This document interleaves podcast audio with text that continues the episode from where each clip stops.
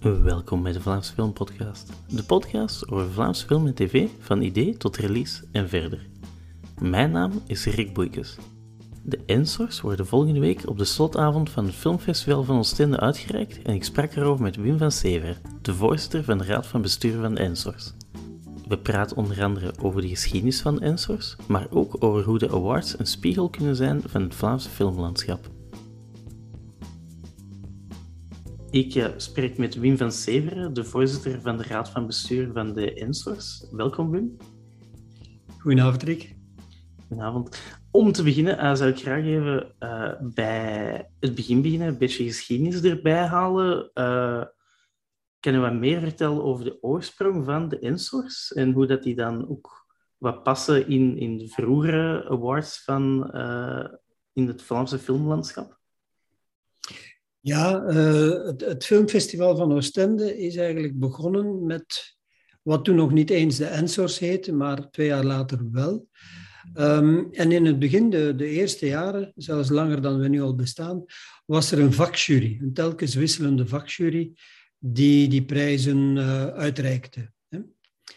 Maar dan op een bepaald moment, een jaar of vier geleden, heeft men beslist om over te stappen naar het systeem van een academy, een academie, eh, in navolging onder andere tot de, de Ensors, maar ook nog tot de Oscars tenminste, maar ook nog andere buitenlandse voorbeelden. Uh, en dat betekende dat, dat wij eigenlijk moesten een, een totaal andere werking ontplooien. Dus in plaats van een deel van het filmfestival van Oostende, is dan beslist om een aparte VZW te creëren. Namelijk VZW de Ensors, die weliswaar nauw verbonden blijft met het filmfestival van Oostende. Uh, alleen al omdat het filmfestival van Oostende de licentie verleent. En die licentie is verleend voor drie jaar, maar is vorig jaar zonder enige vorm van discussie uh, verlengd. Hè. Dus, uh, maar zij blijven eigenlijk de, de eigenaar. Hè. Stel nu dat dit totaal ontspoort of dat er wanbeheer is of iets dergelijks, dan kan het filmfestival nog altijd zeggen, jongens, hier houdt het op. Hè. We gaan de licentie niet langer verlengen en we doen op een andere manier verder. Uh, maar uh, nee, de relaties blijven natuurlijk zeer goed. Ten meer omdat ook dankzij de financiële en de, de infrastructurele steun, de personele steun van het Filmfestival van Oostende, uh, ja, de ENSO's eigenlijk kunnen bestaan. Als wij dat niet hadden, als wij een volkomen autonome organisatie zouden zijn, financieel en qua, qua uh, ja, know-how en, en vooral personeel, dan zouden we het eerlijk gezegd niet lang uitzingen. Maar dat is geen, uh, geen dat klinkt misschien alsof wij tegen onze zin zouden verbonden zijn. Het tegendeel is waar. Hè. Daar is eigenlijk geen punt van discussie. Wij zijn deel van het festival, maar wij zijn een autonome organisatie. En zeker als het gaat over de keuze, dan moet ik zeggen dat het Filmfestival van Oostende zich daar absoluut niet mee moeit. Uh, weet je dan ook, toen hij het uh, filmfestival van Oostende begon, de Vlaamse filmprijzen noemde de awards? Ja. Ja, inderdaad. Ik heb het twee jaar zo genoemd. Zo, dat dat twee jaar de naam was. Dat was toen ook het idee om dan iets te hebben om het filmfestival mee af te sluiten? Dan? Ja, uh, en dat was eigenlijk een beetje in het gat springen dat er gelaten was uh, nadat de plateauprijzen opgehouden waren. Dus dan was er eigenlijk op een bepaald moment niks en dat vond men toch heel jammer. Hè? Um, en dan is er uh, gezegd, ja, door, door uh, de directie van het film en de raad van bestuur van het filmfestival, wij gaan dat onder onze hoede nemen. Wat ik er ook nog wou aan toevoegen, er zijn drie mensen vanuit de raad van bestuur van het filmfestival van Oostende, die in de raad van bestuur zitten van de Ensors. En een van die drie ben ik als voorzitter. Dat is ook statutair bepaald, dat de voorzitter altijd iemand moet zijn vanuit het filmfestival. Maar uh, het filmfestival heeft niet de meerderheid, in tegendeel. Er zijn momenteel acht beroepsorganisaties die daarin zetelen.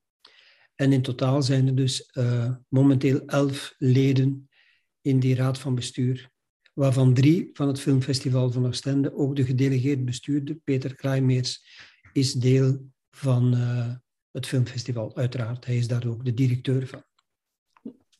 Dus de Ensor Academie, u vermeldt die beroepsorganisaties, die zitten dan ook heel, die zijn heel nauw verbonden met de Ensors dan. Uh, in welke beroepsorganisaties zijn dat? VOFTP, de producenten, de Unie van de Regisseurs, de Acteursgilde, dat is de grootste groep, de Scenaristengilde, SBC, DOP's zijn dat, uh, de montage, B. Montage, de Belgian Screen Composers Guild, de componisten, en tot slot Vlaanders Doc, en dat is een organisatie die staat voor de documentairemakers in Vlaanderen. Ja, en uh, wie zit er dan in de academie zelf? Dat zijn ook een, een deel van de, de, leden van die beroepsorganisaties? Exact, ja. ja. Eigenlijk zijn dat voor een behoorlijk deel leden van die beroepsorganisaties. Maar er zitten ook andere mensen in. Uh, door uh, de Raad van Bestuur wordt dan, of een delegatie van de Raad van Bestuur, worden kandidaturen telkens gewikt en gewogen. Maar de bedoeling is en blijft om uh, zo representatief mogelijk te zijn voor het hele veld. Dat betekent dat daar ook bijvoorbeeld sinds kort door een reglementsaanpassing collega's in zitten van andere filmfestivals. Of mensen die betrokken zijn bij de administratie van productiehuizen, die dus niet in de productie zitten, hè, of die niet artistiek bezig zijn in die productiehuizen, maar die zorgen, meezorgen voor de administratie. Hè, dus bijvoorbeeld de financiële opvolging. Als die mensen willen, dan kunnen zij ook lid worden van, van de ENSORS. En dat is eigenlijk mooi gegroeid. Het eerste jaar hadden wij 400 leden. Het tweede jaar waren er dat 800. Uh, het derde jaar iets meer dan 1200. En dan hebben we gezegd, kijk, eigenlijk hebben wij niet meer de doelstelling om verder te groeien. Het is te zeggen, wij willen absoluut nog wel verder groeien, maar het is geen doelstelling die wij nastreven en waar we energie in stoppen. Uh, we willen nu eerder de kwaliteit van het stemmen gaan bevorderen dan dat wij zoveel mogelijk kwantitatief groeien. Hè. We willen vooral kwalitatief groeien. We hebben nu, als je 1200 leden hebt, dan heb je eigenlijk toch meen ik te mogen zeggen, een voldoende representativiteit voor het veld. Maar niettemin zijn wij toch nog verder gegroeid en momenteel hebben wij iets minder dan 1500 leden. Ja. En die 1500 leden zijn allemaal stemgerechtigd. Sterker nog, als zij drie jaar niet zouden stemmen, dan verliezen zij ook hun lidmaatschap. En dan het stemmen uh, zelf. Er, uh, er wordt een longlist gemaakt en dan uit die longlist kunnen dan alle leden stemmen om een eerste de, de genomineerde samen te stellen? Ja, er is een longlist en een shortlist. De longlist wordt uh, samengesteld in overleg met de producent. Dus wij, wij doen dat niet zelf. Wij vragen aan de producenten welke producties hebben jullie. En we vragen dat ook aan de ledenorganisaties. Dus uiteindelijk hebben wij een, eh, denk ik, ja, zo goed als volledige longlist. En soms gebeurt het wel eens dat wij aan cours de route vaststellen van oei, deze productie is blijkbaar iedereen ontgaan, dan voegen wij die eraan toe. Maar we hebben eigenlijk nog bijna nooit klachten gehad dat er op dat vlak grote onvolkomenheden zouden zijn. Dus dat is de longlist, daar kan iedereen op stemmen. En het resultaat is dan dat er voor elke categorie vijf nominaties overblijven. En dan, uh, die worden bekendgemaakt. Uh, je mag ook in die eerste ronde uh, drie titels of namen aangeven. Hè. In de tweede ronde, waar er dus telkens nog een shortlist is van vijf namen, mag je maar één keer stemmen. Dus dan moet je echt kiezen en zeggen, deze persoon, deze productie, die verdient de Ensor dit jaar. En uh, zijn jullie bij het uh, samenstellen van de longlist dan ook, zijn jullie dan ook bezig met dan hoe dat de, ja, vooral de wereld met streaming en zo, hoe dat die aanpast? Hebben jullie daar dan ook veranderingen aan moeten brengen? Ja, absoluut. Ik, ik moet je eerlijk zeggen, Rick, dat uh, ons reglement bijna permanent in evolutie is. En dat is niet omdat het, omdat het een reglement vol uh, mankementen zou zijn. Maar dat is gewoon omdat de evoluties zodanig snel gaan dat wij echt nog geen jaar gehad hebben dat we kunnen zeggen, wow, er hoeft niks mee te veranderen. En een van die veranderingen was bijvoorbeeld de, komst van, van streams. En dan hebben wij op hele korte termijn contact genomen met hen, contact ook met de drie grote omroepen in Vlaanderen. en hen daarover hun standpunt gevraagd. Maar ons idee was dat streams eigenlijk volwaardig zou moeten kunnen meedoen. Hè, en streamsproducties volwaardig zouden moeten kunnen meedoen. terwijl tot voordien eigenlijk het reglement bepaalde dat een productie pas in aanmerking kwam als zij op het open net te zien was.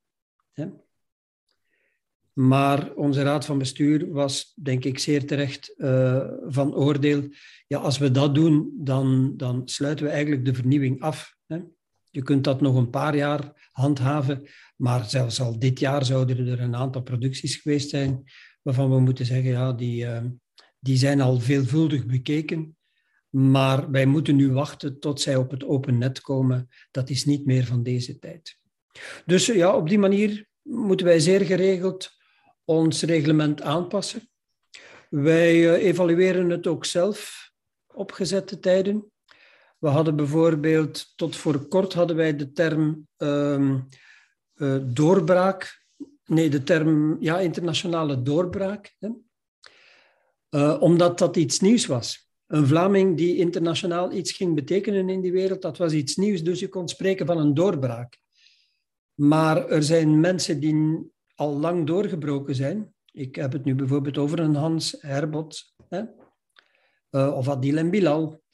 Ja, als die mensen dan nog eens een krachttoer uithalen, dan kun je ze geen twee keer de doorbraak van het jaar noemen. Dus hebben wij beslist om die term te veranderen van internationale doorbraak naar internationale prestatie. Hm? En dat heeft dus ook te maken met de manier waarop uh, de, de Vlaamse filmbusiness ook internationaal meer en meer gerespecteerd wordt. Wat een zeer goede evolutie is. Of wij hadden tot voor kort de, de term uh, debuut van het jaar. Maar dat is dan toch een beladen term, want je hebt een aantal mensen, bijvoorbeeld DOP's, om maar iets te noemen, of monteurs, die uh, die echt aan de weg aan het timmeren zijn, maar die dan niet in één keer plotseling zich ontbolsteren. De, de inner crowd, de inner circle, die, die weet eigenlijk dat zijn mensen die, die echt binnen tien jaar aan de top staan hè, en die zijn aan het komen. Maar de buitenwacht heeft dat nog niet door, zelfs niet in het vak. Hm? En daarom is die term van uh, debuut van het jaar veranderd naar belofte van het jaar waarbij je ziet dat er iemand inderdaad heel beloftevol is, nog niet aan de top van zijn of haar carrière staat, maar toch de moeite waard is om te signaleren als zeer beloftevol. Dus dat soort kleine ingrepen ja, doen wij eigenlijk bijna permanent. Ik vind het ook interessant hoe je dan nog altijd wat de, de vinger aan de pols van de, de Vlaamse filmwereld dan houdt met die veranderingen ook. Dat je ook kan, je kunt zien hoe dat evolueert dan ook. Nog, nog een vraagje over die internationale prestatie in de belofte van het jaar. Uh, die worden dan gekozen door de Raad van Bestuur? Ja, er zijn, uh, de meeste answers worden eigenlijk gekozen door de academie. Maar er zijn er ook twee uh, waar de academie geen vat op heeft, omdat dat eigenlijk kwantitatieve prijzen zijn, namelijk de box office. Ja, dat is een getal, dus dat, dat, dat is wat het is. Of de Telenet Publieksprijs, dat is een publiekstemming. Uh, en dan zijn er nog een vijftal ensors die gekozen worden, vier eigenlijk die gekozen worden door de Raad van Bestuur en één door het Filmfestival van Oostende. Het Filmfestival van Oostende gaat ieder jaar over de Lifetime Achievement. Hè, en dit jaar is dat Sien Eggers en uh, de gebroeders van Warmerdam. Um, en de raad van bestuur die gaat over vier verschillende ensors. De ensor voor internationale prestatie, voor belofte van het jaar, voor beste co-productie. En sinds dit jaar is daar een nieuwe bij, die nu voor het eerst uitgereikt wordt, namelijk de ensor voor de beste Franstalige Belgische film. En wij doen dat omdat de Magrits, onze collega's aan de andere kant van de taalgrens, uh, al een aantal jaren die gewoonte hebben. En daar gebeurt overigens uh, heel veel. Ik heb nu, uh, omdat ik mee in die jury zat voor die beste Franstalige Belgische film, ik moet zeggen dat, dat ik zeer opgetogen ben over de, de kwaliteit die ik daar gezien heb van, van meerdere films. En daar is de afspraak met, met de Margriets, voor de volledigheid, dat zij de shortlist bezorgen van vijf genomineerde films En wij hebben dan binnen de raad van bestuur, uh, vragen wij aan een aantal mensen wie wil zich engageren om die films allemaal te bekijken. En uiteindelijk hebben wij uh, dat dan met een, zeer ruime groep gedaan. En hoe werkt het dan? Uh, wordt er dan ook een shortlist aangemaakt voor de internationale prestatie in de belofte? Hoe werkt dat juist? Ja, ja wij, wij vragen voor die twee categorieën vragen wij namen op aan de beroepsorganisaties. En er is een soort van gentleman, ja, gentleman's agreement is niet eens, maar de drie bestuursleden vanuit het festival, hè, namelijk Peter Mout, Mout uh, en ikzelf, hebben eigenlijk vrijwillig gezegd, kijk, wij doen afstand van ons recht om hierover te stemmen, want jullie zijn eigenlijk de vakmensen, zeker voor belofte van het jaar, maar ook voor internationale prestatie van het jaar. Laten we die keuze eigenlijk aan jullie. En uh, iedereen mag dus namens zijn beroepsorganisatie één persoon uh, voorstellen. Niet iedereen doet dat. En dat is ook heel goed. Uh, het, is, het is geen verplichting. En er zijn ook jaren waarvan je zegt, ja, we moeten daar eerlijk in zijn. het is niet dat onze groep slecht gewerkt heeft, maar er was nu niemand echt onder, onderscheidend bezig. Dus ieder jaar zijn daar toch ja, vijftal, denk ik, vijftal nominaties. En ze mogen zich verdedigen. Dus ze moeten ja, motiveren waarom zij vinden dat die man of vrouw die Ensor verdient. En uiteindelijk wordt daarover gestemd. En als we er niet uitgeraken, dan wordt daar verder over gepraat. Niet uitgeraakt, uitgeraken wil zeggen als er geen stemmenverschil is van twee stemmen. Ja, want het zou kunnen dat er iemand nu afwezig is en dat de stemming 4-3 is. Dan, uh, ja, dan vinden we dat eigenlijk toch een te smalle basis. En dan gaat het gesprek verder en we, we komen daaruit. Ja. En uh, wordt het ook uh, voor de, de uitreiking ook al bekendgemaakt, zoals bij de Lifetime Achievement? Of is dat echt iets pas dat op de avond zelf gebeurt? het is iets tussen de twee. In die zin, we hebben nu uh, sinds, ja, sinds vorige keer eigenlijk, en we zijn heel blij dat het opnieuw doorgaat, hebben wij een samenwerking met Canvas. En er is Cinema Canvas tijdens de week, een talkshow met Michael Pas. En in die talkshow wordt elke dag ook een Ensor uitgereikt. Het gebeurt ook dat er andere gelegenheden zijn. Bijvoorbeeld, uh, dit jaar hebben wij het debat van de Ensors op zondag 6 maart. Uh, de zaterdag nadien is het gala van de Ensors. Maar op het debat hebben wij het genoegen om minister Dalle te ontvangen, die mee zal zitten in het panel. En we hebben hem gevraagd, wilt u nadien twee Ensors uitreiken, namelijk de Lifetime Achievement voor SIN en ook nog die van belofte van het jaar. Want hij is ook nog minister van Jeugd al is dat, uh, al is dat eigenlijk eerder symbolisch dan dat het hier uh, geweldig veel uh, relevantie heeft. Maar vooral als minister van Media vinden wij dat toch wel belangrijk dat hij zowel iemand die een fantastische carrière al achter de rug heeft en nog altijd geweldig bezig is. Ik heb zaterdag nog het genoegen gehad van haar in het stuk te zien, Sartre en de Beauvoir. Zij speelt daar werkelijk schitterend samen met Frank Fokkentijn. Maar dus Sien krijgt zeer terecht eindelijk die, die Lifetime Achievement en iemand anders krijgt dan de Ensor voor belofte van het jaar. Oké, ik wil uh, straks nog even teruggaan naar de, uh, het debat van de Ensors. Ja. ook nog even de, de kortfilm. voor de kortfilms is het dan ook weer een ander verhaal. Daar is er een jury die dan de shortlist heeft gemaakt. Ja, we, hebben, we hadden eigenlijk een probleem. Uh, we merkten dat ook in, in de stemming. De, de, de films en de reeksen die worden goed bekeken, maar de kortfilms werden eigenlijk door relatief weinig mensen bekeken. En dat was ook niet onbegrijpelijk. Een kortfilm duurt dan wel niet lang, maar als er veertig zijn, dan is dat toch wel veel om te bekijken. En ja, mens heeft prioriteiten en de prioriteiten waren duidelijk niet de kortfilm. Dus hebben we gezegd, we moeten eigenlijk toch uh, maken dat dat behapbaar is. En we hebben sinds twee jaar beslist dat er een, een jury dan samengesteld wordt die, uh, vijf, die een shortlist maakt van vijf. Met dien verstande dat zij minstens één animatiefilm, minstens één documentaire en minstens één fictiefilm moeten voorstellen. En dan de twee andere, ja goed, dat, dat, dat is dan hun vrije keuze. Ja. En dan daaruit wordt dan de, de shortlist dan. Ja, inderdaad. Ja, ja. We hebben trouwens een analoog probleem met de documentaires. Er zijn tientallen documentaires. En uh, ja, dat is een gesprek dat we gaan moeten voeren na de NSORS. Maar uh, ook daar merken we dat het toch wel wenselijk zou zijn om aan de academie een, uh, een shortlist aan te bieden. Of dat nu, ja, hoe short die moet zijn, dat laat, dat laat ik in het midden. Maar ik zal er toch voor pleiten om een shortlist te maken zodanig dat die documentaires door meer mensen bekeken worden. Ook iets uh, nieuw dit jaar. Uh, er is een uh, genderneutrale acteur award. Ja. ja. Ja, eigenlijk was de voorgeschiedenis dat de, ja, we hadden dat hier en daar al gezien in het buitenland, dat daar sprake van was. En de acteursgilde die heeft zelf ook prijzen en die hadden hun eigen toneelprijzen of theaterprijzen, hadden zij ook al zelf genderneutraal gemaakt.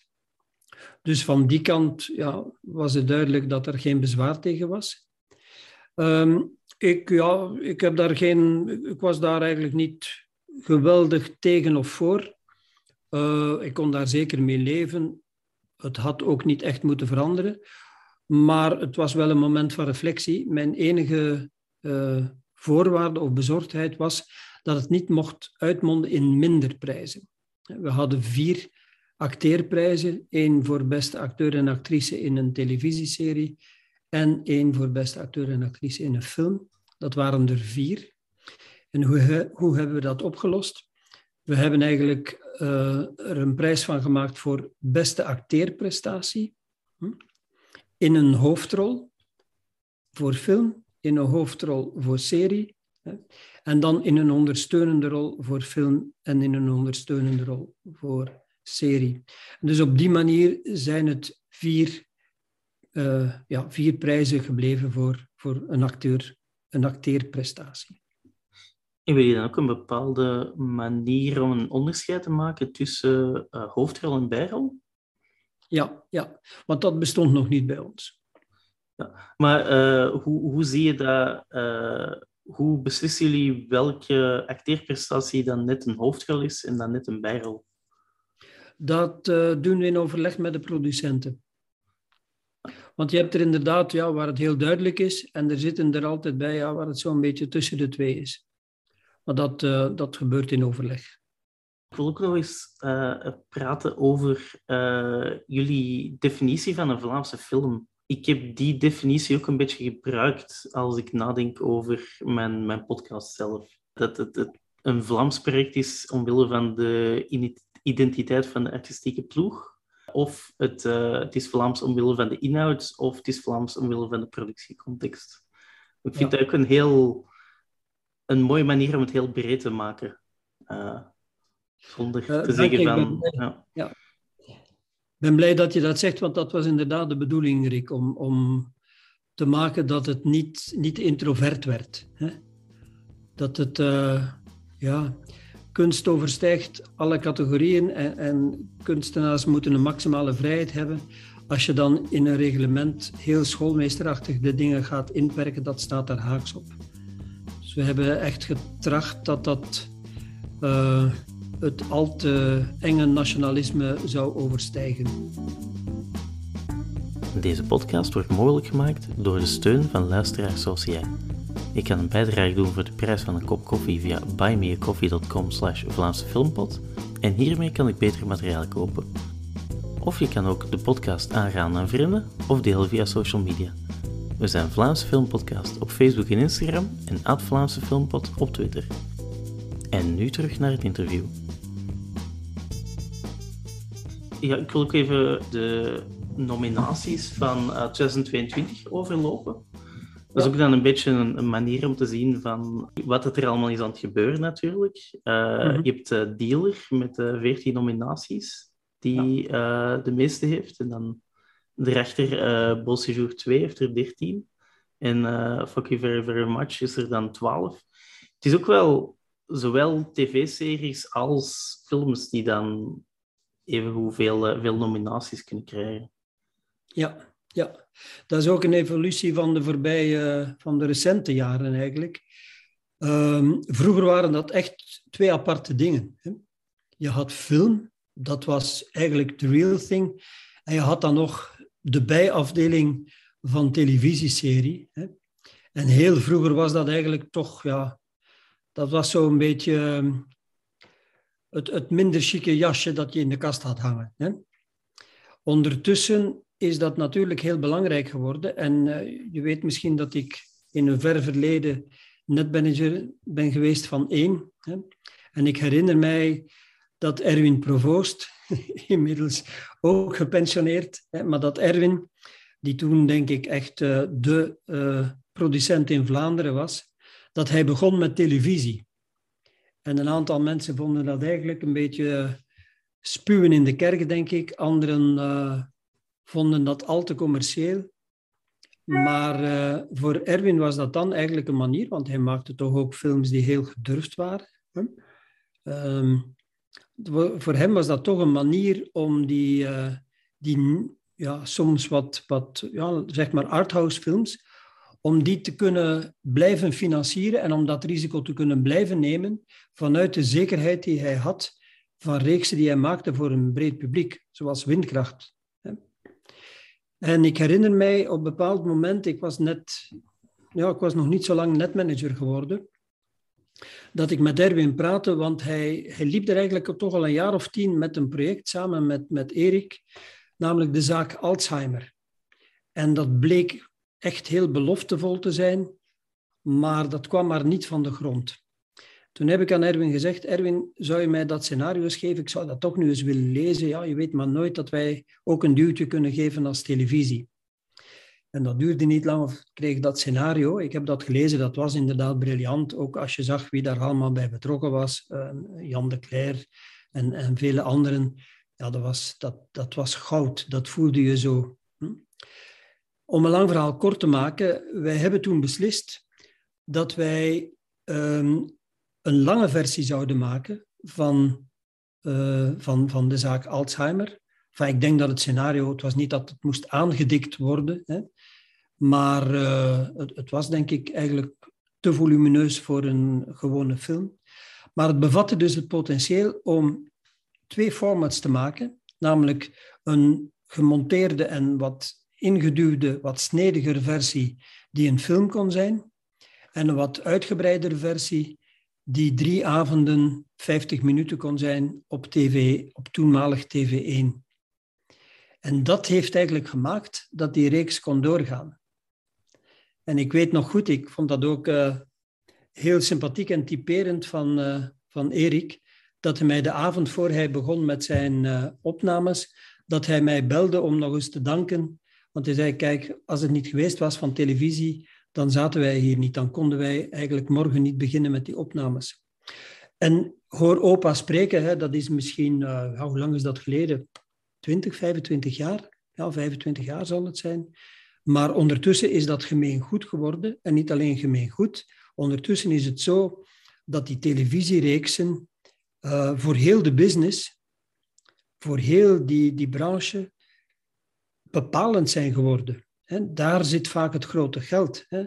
Ik, ik, vorig jaar, Michelino uh, die, die lid is van onze raad van bestuur, die zei me, ja Wim, uh, wij maken heel graag films natuurlijk, maar die televisiereeksen, ja, dat is voor ons een, een onwezenlijk mooi volume dat we daar in handen krijgen. En, en ja, uh, zakelijk bekeken is dat ook een veel groter pakket dus die mensen kijken daar absoluut niet op neer. Integendeel, die zijn blij dat, dat heel de business op die manier gegroeid is. En niet meer tussen aanhalingstekens beperkt tot alleen maar een film van, van 100, 110 minuten. En uh, ik kan ook zien dat de crewleden dan ook echt uh, switchen tussen film en tv, denk ik. Absoluut.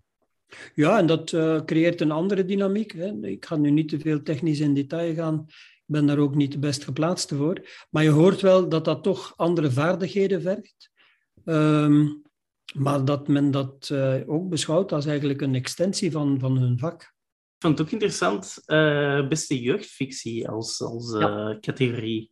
Met dan onder andere Familie Klaus 2, Eigen ja. Schim, uh, Mijn vader een saucis, uh, ook 3 hertz, een tv-serie.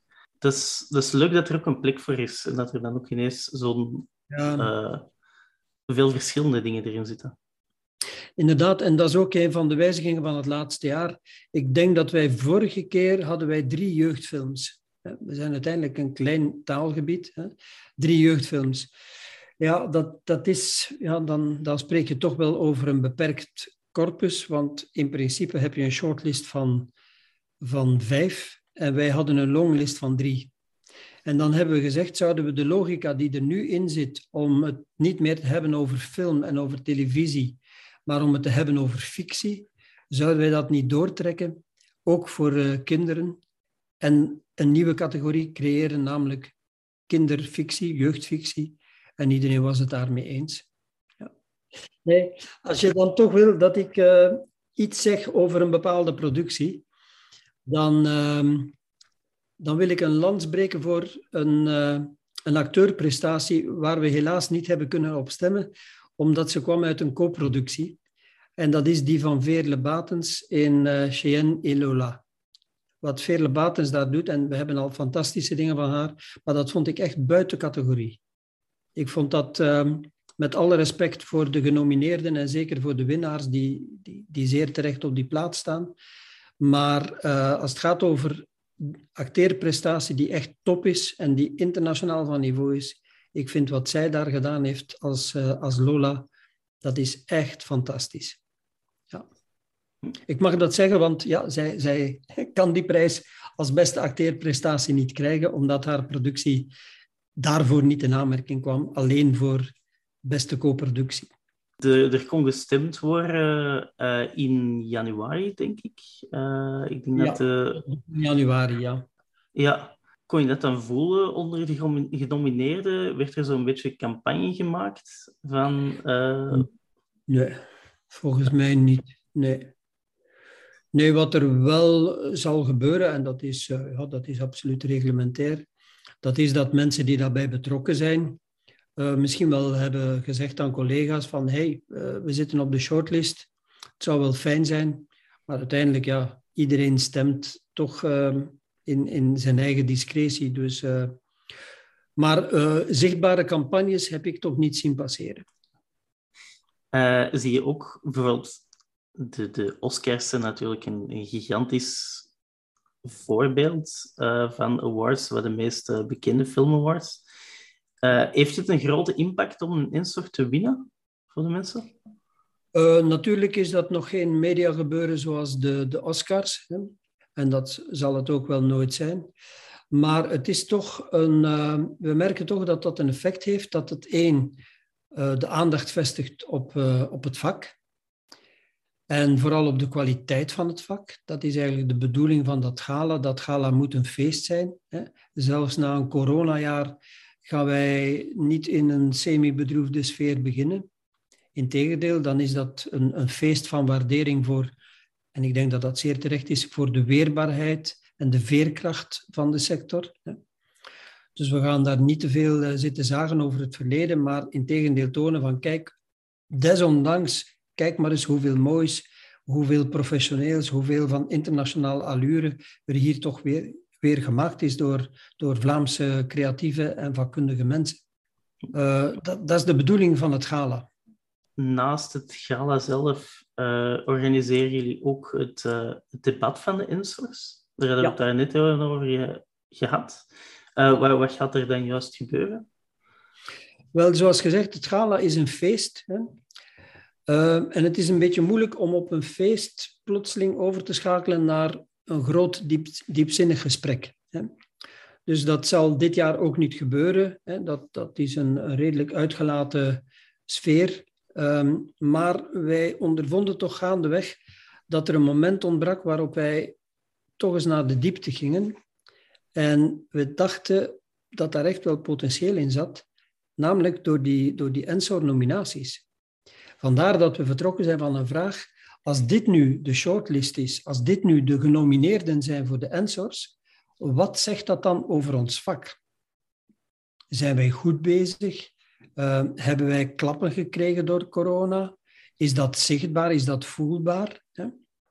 Um, zijn er bepaalde uh, evoluties die bezig zijn?